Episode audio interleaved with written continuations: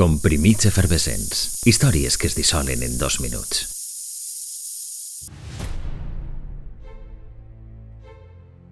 És la principal inquilina d'una torre icònica que popularment ha heretat el seu nom. Durant segle i mig s'ha encarregat d'anunciar amb rigor les hores en punt del conegut districte de Westminster. Un 10 d'abril es fonia a la Whitechapel Bell Foundry la campana principal de la Torre del Rellotge de Londres. La campana Big Ben. Efectivament, és la campana i no la torre la que en realitat porta el nom pel qual tot el món coneix el conjunt. El cas és que la campana Big Ben fou en origen prou més pesada que la que finalment ocuparia la torre.